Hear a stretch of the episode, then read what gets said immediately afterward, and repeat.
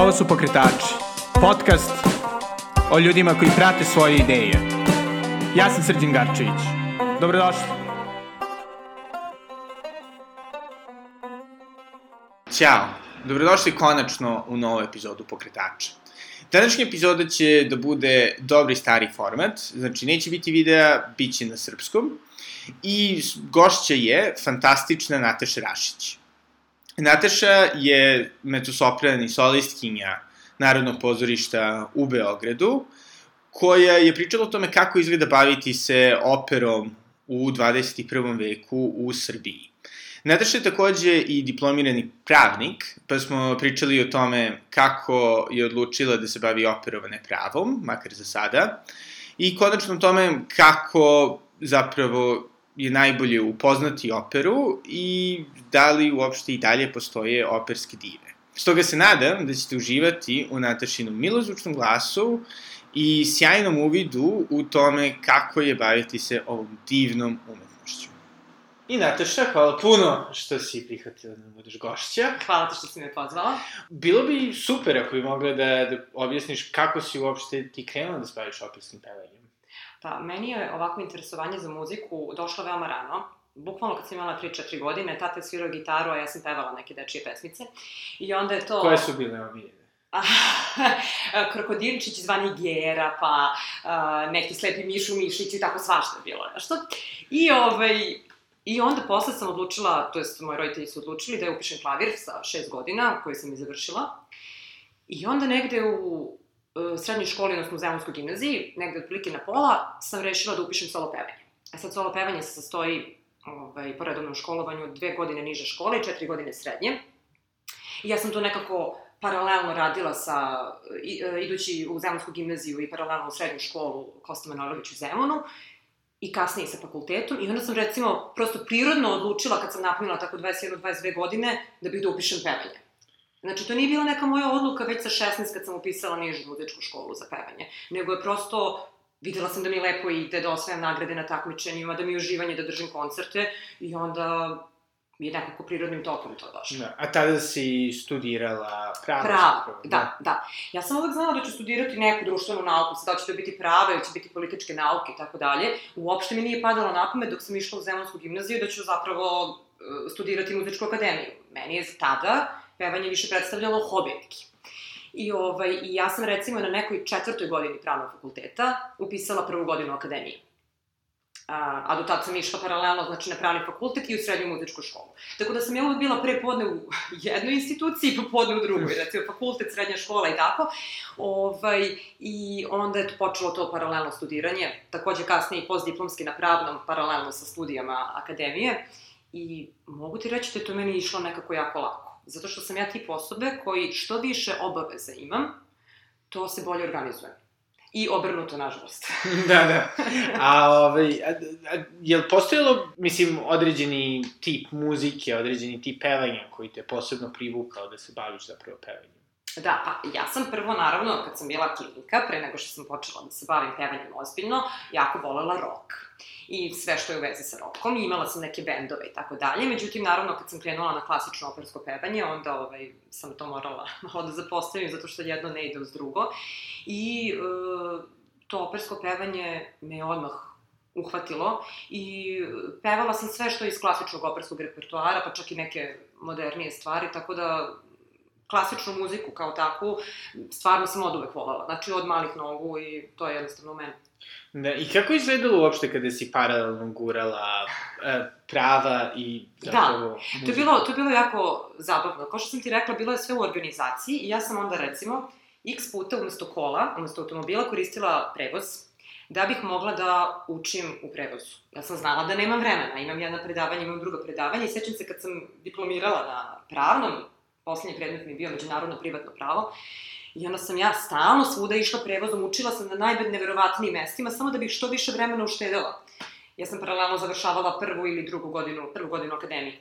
Ovaj, tako da je ceo dan bio potpuno ispunjen, ali ja sam nekako u tome uživala i uvek sam našla vreme i da izađem i da se provedem, da se vidim sa prijateljima, osim naravno ono, pet ili deset dana pred ispit kad se zatvorim i učim, ali nekako to je, to je sve funkcionisalo kako treba. Da. A onda si zapravo krenula da se baviš pravom. E, da, da. Kad sam završila e, prava, onda sam naravno uradila taj, da kažem, staž kao advokatski pripravnik dve godine, u kom periodu sam i završila akademiju. E, onda se tu javila situacija kada vi već profesionalno nečim treba da se bavite, odnosno da od toga zarađujete, onda već nije lako uh, raditi dve stvari paralelno. Ja sam probala i može, ali je jako naporno. Recimo, meni se dešavalo da imam preko dana suđenje, ročište i sve obaveze koje jedna advokatska kancelarija nameće, a da uveč imam koncert ili predstavu i vi fizički to možete da stignete, ali je ovaj, psihički jako teško jer uh, operska predstava ili koncert zahteva ogromnu koncentraciju mentalno, da ne pominjem vežbanje i tako dalje. Ovaj, a vi se na drugom poslu dosta istrošite. I onda je meni negde došlo vreme da moram da preseče. A i kako je, kako izgledala ta odluka? Pošto nekako, ne mogu da kažem da je baš operska muzika nešto je hiperlukrativno. E, Da, da. Pa, odluka je e, koindicirala sa štrajkom advokata u Beogradu, koji je meni legao, nažalost, kao kec na 11, jer sam rekla, pa dobro, onda taman sad ću da iskoristim, a u tom trenutku sam bila primljena u operski studio Narodnog pozorišta u Beogradu, što takođe predstavlja svojevrsni staž kao što je pripravnički staž u advokaturi, tako je operski studio e, put da vi uđete u operu, krenete da pevate operske predstave i postanete solista, kao što sam ja postala. I onda ovaj, sam ja taj štrajk iskoristila da se posvetim uh, operskom studiju. I tad se desio i moj debi u Narodnom pozorištu, u operi Carmen, pevala sam Mercedes i mislim da je to bila prekretnica, jer sam ja toliko bila oduševljena tim osjećajem, biti na sceni, biti pred publikom, pevati sa orkestrom u kostimu, mislim sve što podrazumeva jedna ozbiljna operska predstava u jednom ozbiljnom teatru i ja sam jednostavno shvatila da je to to i onda sam prestala sa, sa pravom. Naravno, ja sam i dalje radila po neki predmet kad mi je to bilo potrebno, a i pravo je nešto u šta nekako ipak smatram da jednog dana mogu i da se vratim ukoliko bude bilo potrebe za tim, a pevanje je nešto što morate da iskoristite svaki dan, prosto dok ste mladi, dok ste u godinama, kad se pravi karijera, kad se glas još uvek formira, tu nije dobro praviti pauze. I onda sam rekla, jednostavno moram to u šta verujem i to u čemu se maksimalno pronalazim, da da guram i da se tome posvetim, pa ćemo videti kasnije. I onda sam tako prekinula sa pravima i ovaj, posvetila se operi. Kakva je bila reakcija tvoje okoline, tvojih roditelja, E, prijatelja? Vrlo pozitivna i očekivana. Niko tu nije bio šokiran, jer je muzika ceo život bila sa mnom i u meni i dosta sam se ja već dugo bavila operom i sad e, vrlo su interesantne reakcije generalno u mom životu. Ljudi koji su mi pravnici, koji su kolege sa prava, uvek kažu, ma bolje ti je, idi pevaj, šta ćeš u pravima, to je suvoparno, a ljudi koji se bave muzikom su u fazonu, ma nemoj muzikom, idi u prava, tamo su veće pare i tako dalje. Mislim, to je vrlo interesantno. Ali, što se tiče mojih najbližih, e, moje porodice, mojih prijatelja, svi su me podržali, nekako smatrali da to normalan put za mene. Da. I kako zapravo izgleda život ovaj, u, u Narodnom pozorištu, ne? Solistkinje. Da, a, pa, to sad naravno dosta i zavisi od soliste do soliste, ali a, što se mene tiče, a, mora da se vežba svaki dan, ili skoro svaki dan. Projekti su različiti koje imate... A kad se kaže vežba, koliko sati? Kako to i to, izgleda? da, to je sve individualno. Sad, pošto je naš aparat, jeli vokalni aparat specifičan, ja u principu ne mogu niti bilo ko da vežbam 6, 7, 8 sati, to bi bilo previše. Sad, što se tiče individualnog vežbanja, to je u principu sat vremena do 2 sata. E sad, vi uz individualno vežbanje imate i probe koje su vam organizovane. E, I onda sad, e, ono što je, što mi nekad odgovara, a nekad i ne odgovara, jeste što mi nemamo fiksan raspored. Znači, zavisi koju predstavu imaš, koliko predstava imaš, koliko su pripreme potrebne za određenu predstavu koju igraš i onda u odnosu na to pozorište pravi raspored i ti svake nedelje dobiješ raspored za sledeću, koje su tvoje obaveze. Tako da, recimo, ja sad ne znam, na primjer, za dve nedelje, to sad znam jer je kolektivni odmor, ali e, za dve nedelje u sredu popodne šta ću raditi. Znači, uglavnom, e, nemate fiksirano radno vreme. I, ovaj, a tu su naravno i razni projekti sa strane koje svaki operski pevač može da radi, koji nisu u vezi sa samim pozorištem. E, tako da, u principu, e, dan, odnosno vreme jednog operskog pevača sastoji u probama, koje su različitog tipa, da li su individualne probe, ansambl probe, režijske probe, orkestarske probe i tako dalje, a, u sobstvenom samom vežbanju, u čitanju jako puno, recimo kad dobijete neku novu predstavu koju treba da radite, vi morate da istražite o čemu se radi, kao što glumci rade. I, ovaj, I to je sve u stvari jedan vrlo kompleksan proces. Dok izađe jedna predstava, ja mislim da gledalci, odnosno slušalci, nisu ni svesni koliki je proces potreban da bi jedna predstava na kraju izašla na, na scenu. Ne, I koji je tebi aspekt zapravo zanimljiviji u istraživanju uloga? Onaj dramski ili onaj muzički? Oba, oba zajedno, to je dobro pitanje. E, apsolutno oba aspekta su bitne da se spoje zajedno i da se napravi, zato je opera jedna od najkompleksnijih umetnosti jer podrazumeva i glumu i to vrlo dobru glumu bi trebalo da podrazumeva, i pevanje i muziku. I za sve to je potrebno jako puno vremena. I to ne mislim samo na školovanje, koje je samo po sebi dugačko, nego i vremena od momenta kad vi uzmete note, do momenta kad izađete na scenu, da to sve legne, da se sve nekako namesti, da vam legne i, i, i dramska struktura i muzička, da sve to naučite na pamet, da sa drugim kolegama propevate, odnosi sa drugim likovima, sa drugim kolegama, da se to prođe sa orkestrom, da se to prođe u kostimima, sa rediteljem. E, to je prosto jedan dugačak, dugačak proces i da se vi u tome svemu osjećate prijetno.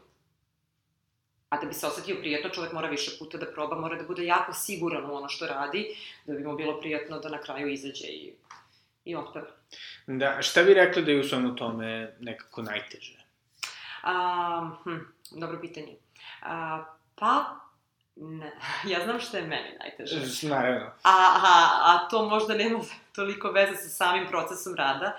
Meni je najteže, pošto sam ja ovako vrlo ekstrovertna i druž, druželjubiva osoba i volim da izlazim, to što moram da se odričem izlazak. U tim periodima to je veoma često. I onda tako moram da kalkulišem. Kada me društvo pozove izlazak petak, subota uveče, ja ne mogu, imam sutra probu. Tako da, ovaj, to možda nije očekivan odgovor, ali to je ono što meni lično najteže pada kada spremam nešto. Jer sam ja inače veliki radnik, ja mnogo volim da radim. I ništa mi ne pada teško, pogotovo kad je muzika u pitanju. I ja jako mnogo posla uradim kod kuće sama, u smislu sednem za klavir, a, jako dobro iščitam tekst, muzički, uh, onda bukvalno tekst, tekst oni, da li na italijanskom, da li na francuskom, na kom jeziku se već peva, tako da ja već kada dođem do situacije da probam sa korepetitorom, odnosno sa pijanistom koji, koji vas sprema za dalje probe, ja sam uvek jako spremna. Znači, ne, ne mora sa mnom mnogo da se radi, jer ja mnogo toga uradim sama od kuće. I uh, ja jako volim taj proces rada i uživam u tome. Ali ono što mi teško pada jesu ti neki pod znacima navoda žrtve koje moram da, da ovaj, načinim da bih bila spremna sledeći dan za, za probu. Jel postoji ono ispijenje žumarac? to me svi pitaju. Ovaj, nisam nikad popila žumanci. To moram da priznam. A, a ni moje kolege nešto baš ne piju žumanca. Ali ovaj, sad svako ima neke svoje cake.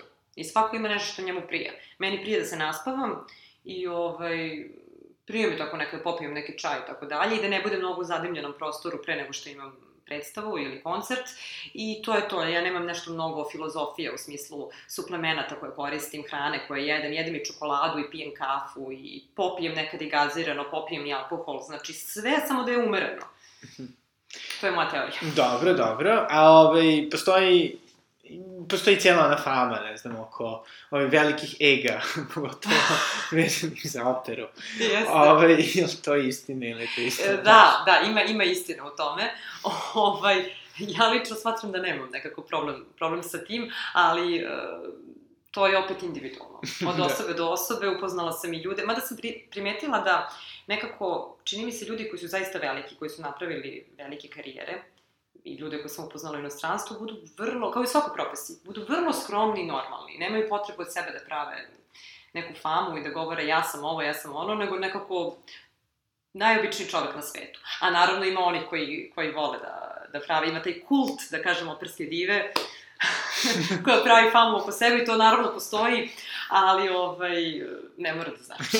znači nisu svi takvi. Nisu, nisu, nisu, naravno. Daleko tako. Daleko. A kako, mislim, kako što izgleda da kažemo ono, e, publika ili, mm -hmm. da, da budem još malo ovaj, e, manje poetičan, tržište za operu u Srbiji? Aha, u Srbiji, da.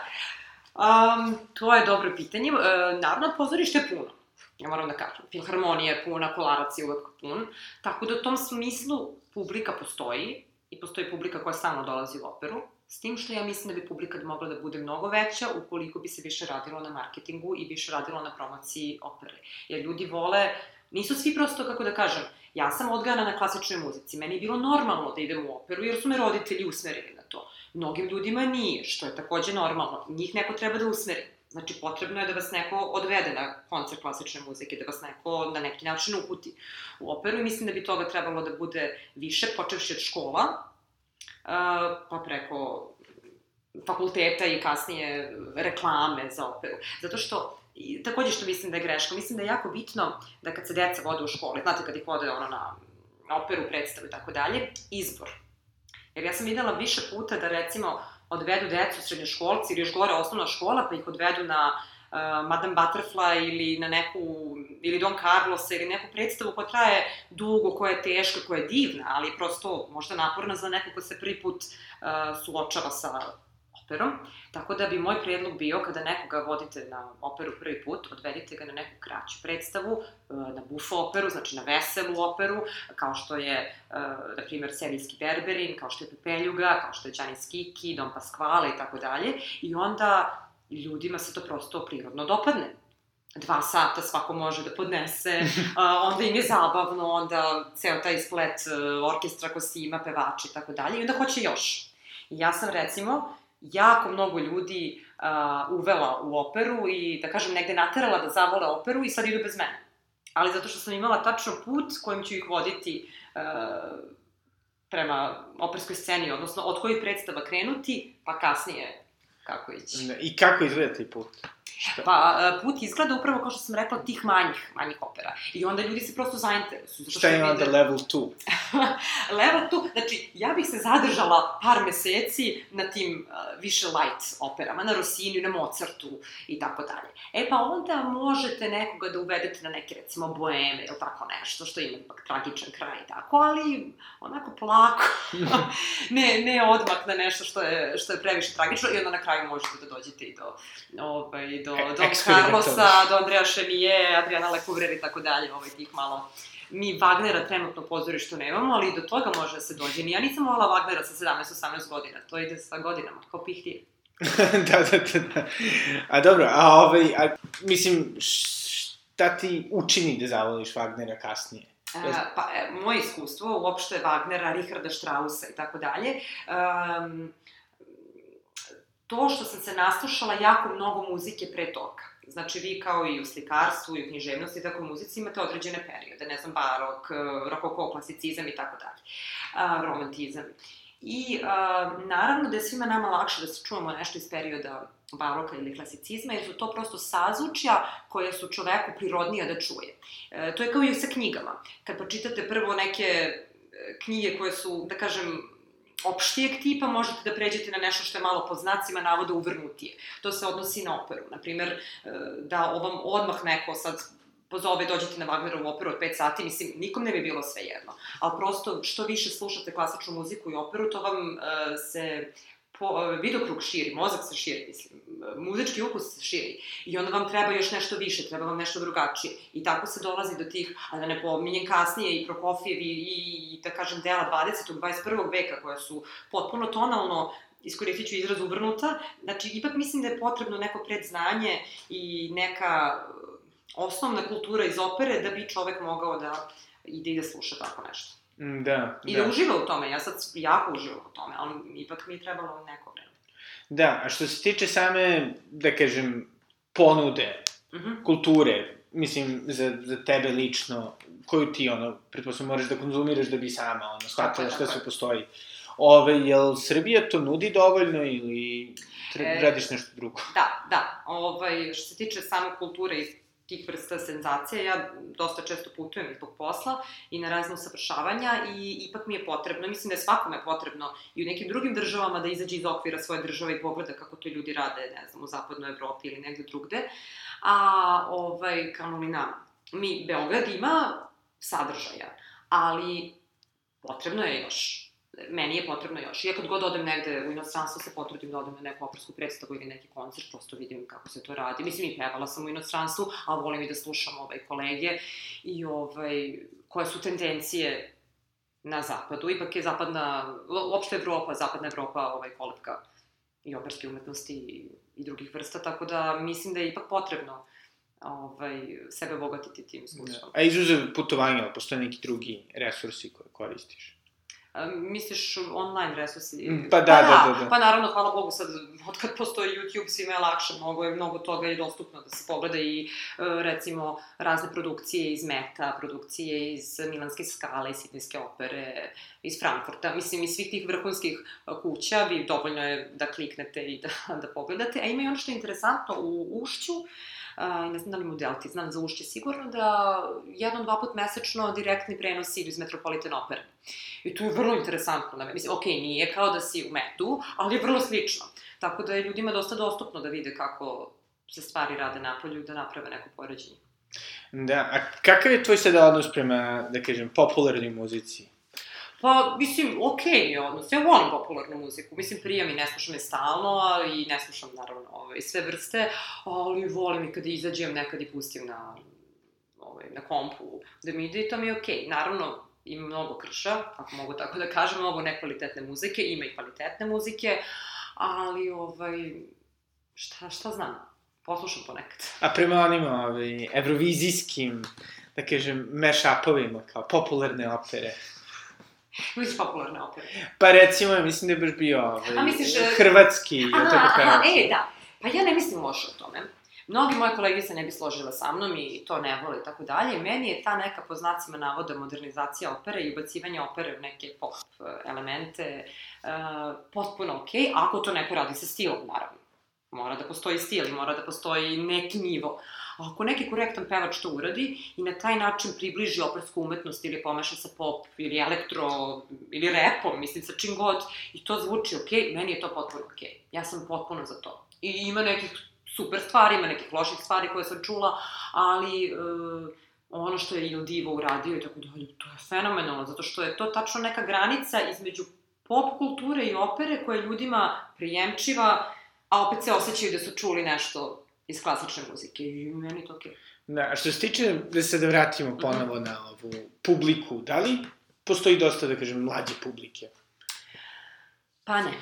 Ja mislim da nema dovoljno. Mislim, ima mladih u publici, kako da ne, ali uh, jako puno mladih koji su publika opere, moram da priznam, su kolege, koji uče pevanje ili uče neki instrumente i tako dalje, pa ih prirodno interesuju, to je odlično.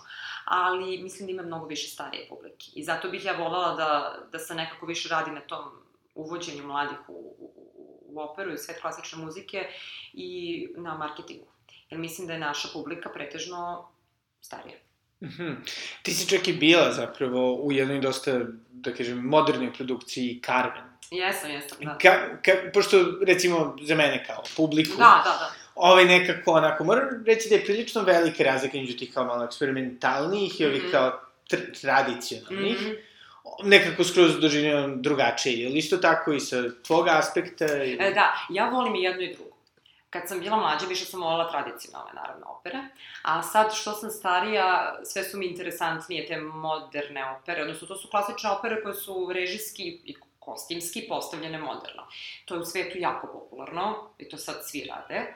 Ovaj, konkretno, Carmen koju sam ja radila u Rumuniji, za koju sam mi ovaj, pomenuo, je bila potpuni hit. To je bio takav takav uspeh je doživela, to se zvalo, zove se Rock Carmen, a u stvari svi pevači pevaju, znači ja svoju, svoje donice pevam normalno operskim glasom kao što bih inače pevala, jedino što je orkestar električni, u smislu sastoji se električnih gitara i basova i uh, harmonika, recimo 12 tih uh, električnih violina i tako dalje.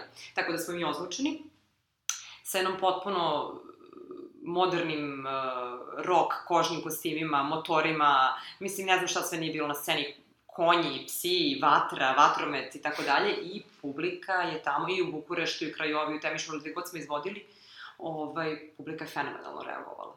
Jer im to treba. Jer opera je umetnost, a tako, ona isto mora nekako da raste na neki način, da postoje i tradicionalne vrednosti, ali da negde i napreduje, sa ukusom, uvek kažem. Ali ja smatram, ukoliko je nešto muzički jako dobro urađeno, ako je dobar maestro, dobar dirigent, dobar orkestar, dobri pevači, onda modernizuj kako god hoćeš, samo ne sme da se kvari ona suština, ona bit, ono što je napisano. A što se tiče režije, meni je to super.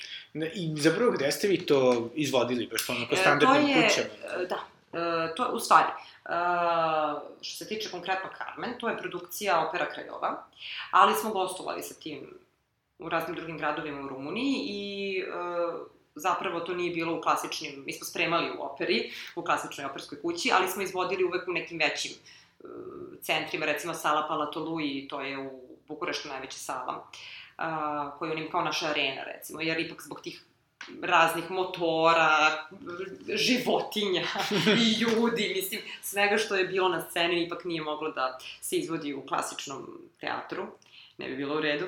Tako da, mislim da čak sad kolegi pregovaraju da ta predstava Rock Carmen dođe u Beograd, ja bih jako volala, ja mislim da bi publika bila veoma zadovoljna sa tim, ali vidjet ćemo. Mm, Da, da. I dobro, je li tu recimo baš bila ona dosta mlađa publika? Jeste. Tu je bilo dosta mlađe, i starije i mlađe publike, zato što je to ro, operski rock spektakl. I onda to mm, klince zanima. Mm, Da. Jer ja sam ubeđena da mlada publika želi da čuje nešto kvalitetno, ali prosto treba im, treba im doskočiti malo, treba im to ponuditi. Da, a od, kao, da kažem, em, stvari koje su dostupnije slušalcima pokretača, ovaj, šta bi rekla da bi kao definitivno trebali da gledaju? A naravno gde si i ti. Da, da. Ovako, što A možeš i gde i nisi ti, ali prvo gde si ti. Da, da, da, da. A, za ljude koji žive u Beogradu i ako misliš na Da. nacionalni teatar, na operu, ovaj, ono što preporučujemo, što znam da si ti gledao, jeste Giannis Kiki. To će ići sledeće uh, sezone. Opera traje sat vremena. Jako je zabavna, mlada ekipa igra, to je stvarno dobra, ovaj, dobra zabava u okviru sat vremena. Druga predstava koja je ove godine doživjela premijeru, potpuni hit, Pepeljuga, Zlačina Rentola. Uh, ona malo duže traje, možda dva sata, ali je isto super ekipa, Balestre radio kostime, znači kostimi su fenomenalni. Uh, Pepeljuga priča koju svi znaju i vrlo, vrlo smešna i vesela opera u kojoj takođe igram, apsolutno preporučujem. Preporučujem Serijskog Berberina uvek. To je, to je prosto, mislim, opera koja nikog ne može da ostavi ravnodušnim. Isto je vesela, zabavna, izađete lepo raspoloženi. A, I a, sledeće godine će opet biti Čarobna frula, koja je vrlo interesantna i za klince. Znači, roditelji mogu da dovedu i svoju decu. To je bila moja prva predstava koju sam pogledala u životu kad sam imala šest godina. Mislim, prva operska predstava i sećam se da nisam trepnula. Tako da, eto, to ne budu preporuke za sada. A od ovih drugih projekata van, van Od- samog teatra? Od drugih projekata, ovo što me sad čeka, veliki projekat, opet Opera Carmen, u produkciji Operosa Opera festivala, koji će se dešavati na Kalni kuli Herceg Novom, 24. i 25. augusta su predstave. To je završetak tog jednog velikog i lepog festivala Operosa Opera Festival, koji se dešava u Herceg Novom, i tako da svi koji budu u Crnoj Gori, izvolite, svratite. Da svratiti, super. A ovaj, da, zapravo šta bi bio tvoj savet nekome ko je zainteresovan da se bavi operskim pevanjem? da se bavi operskim pevanjem. E, moj savet je da, hm, pazi kod kog pedagoga ide, ali opet ne postoji tu univerzalni savet. Svaki pedagog se s nekim složi na određen način. I, mislim... A šta je uglavnom problem u pedagogiji? Mm, postoje razni problemi u pedagogiji, ali ono što ja mislim jeste nevezano samo za pevanje i odnos sa, sa mladim pevačem, sa učenikom, jer što sam starija i što sam iskusnija u ovom poslu, to više shvatam koliko je psiha bitna. Psiha je 50% pevanja. Psiha peva, bukvalno. I jako je bitno sa pevačem raditi, to je jako osetljivo. Jer ti znaš, kada, nekad imaš tremu, kad se uplašiš, kad se, kad se neko rasplače, prvo ti ode na glas. E, tako se odnosi i u pevanju još više, naravno. Ovaj, tako da taj jedan a, brižljivi i fin, nežan, a ne previše nežan, istovremeno nežan i strog odnos prema učeniku, mislim da je to jako bitno i naravno neko ko zna da vam prenese ovaj, pravu tehniku. A, preporučila bih da se ne krene prerano. Moja procena 15-16 godina za devojčice, 17 za dečake dok kod dečaka prođe mutacije i tako dalje. A, Može se ipak posavetovati i konsultovati sa pedagogom kod koga upisujete da vidite prosto kako funkcionišete i to je to. Super, znači mogu i sa 30. Može. Ako si mutirao, Tako jesi. jesam, baš da jesam. Može, nikad nije kasno. da, a ukoliko želite da unapredite samo pevanje, recimo da budete ono, super na karokama, jel to vredi raditi? Jel može Vredi. neko da nauči nauku? Kako da ne? Da, e, samo je poenta da imate sluh elementarni. Ako neko ima elementarni sluh, u smislu da može da pogodi tonove, da se tako izrazim, onda on može da radi na svoj, ili ima glasa, jeli? makar malo, on može da radi na svom pevanju. Ako neko nema sluha, onda je jako teško raditi na pevanju, može da se zeze i tako dalje, ali ne može da otpeva nešto u tonalitetu, da otpeva frazu i tako. Tako da, ovaj, ukoliko neko ima sluha, može iz 30, iz 35, iz 40 da uzme privatne časove pevanja. Naravno, nema potrebe ići onda u tim godinama možda u neke škole. Mislim, može i to. Ali, ovaj, i može da napredi svoje pevanje, kako da ne. Znači, ne, nisam osuđen samo na autotune. Ne, nisi osuđen, ne. U tebi leži pevač. Pevač. Hvala puno, Nataša. Hvala. I ovo je bila Nataša Rašić. Nadam se da ste uživali. Molim vas, šaljite komentare, šerujte i na bilo koji način pokažite da slušate. Do sledećeg slušanja, doviđenja.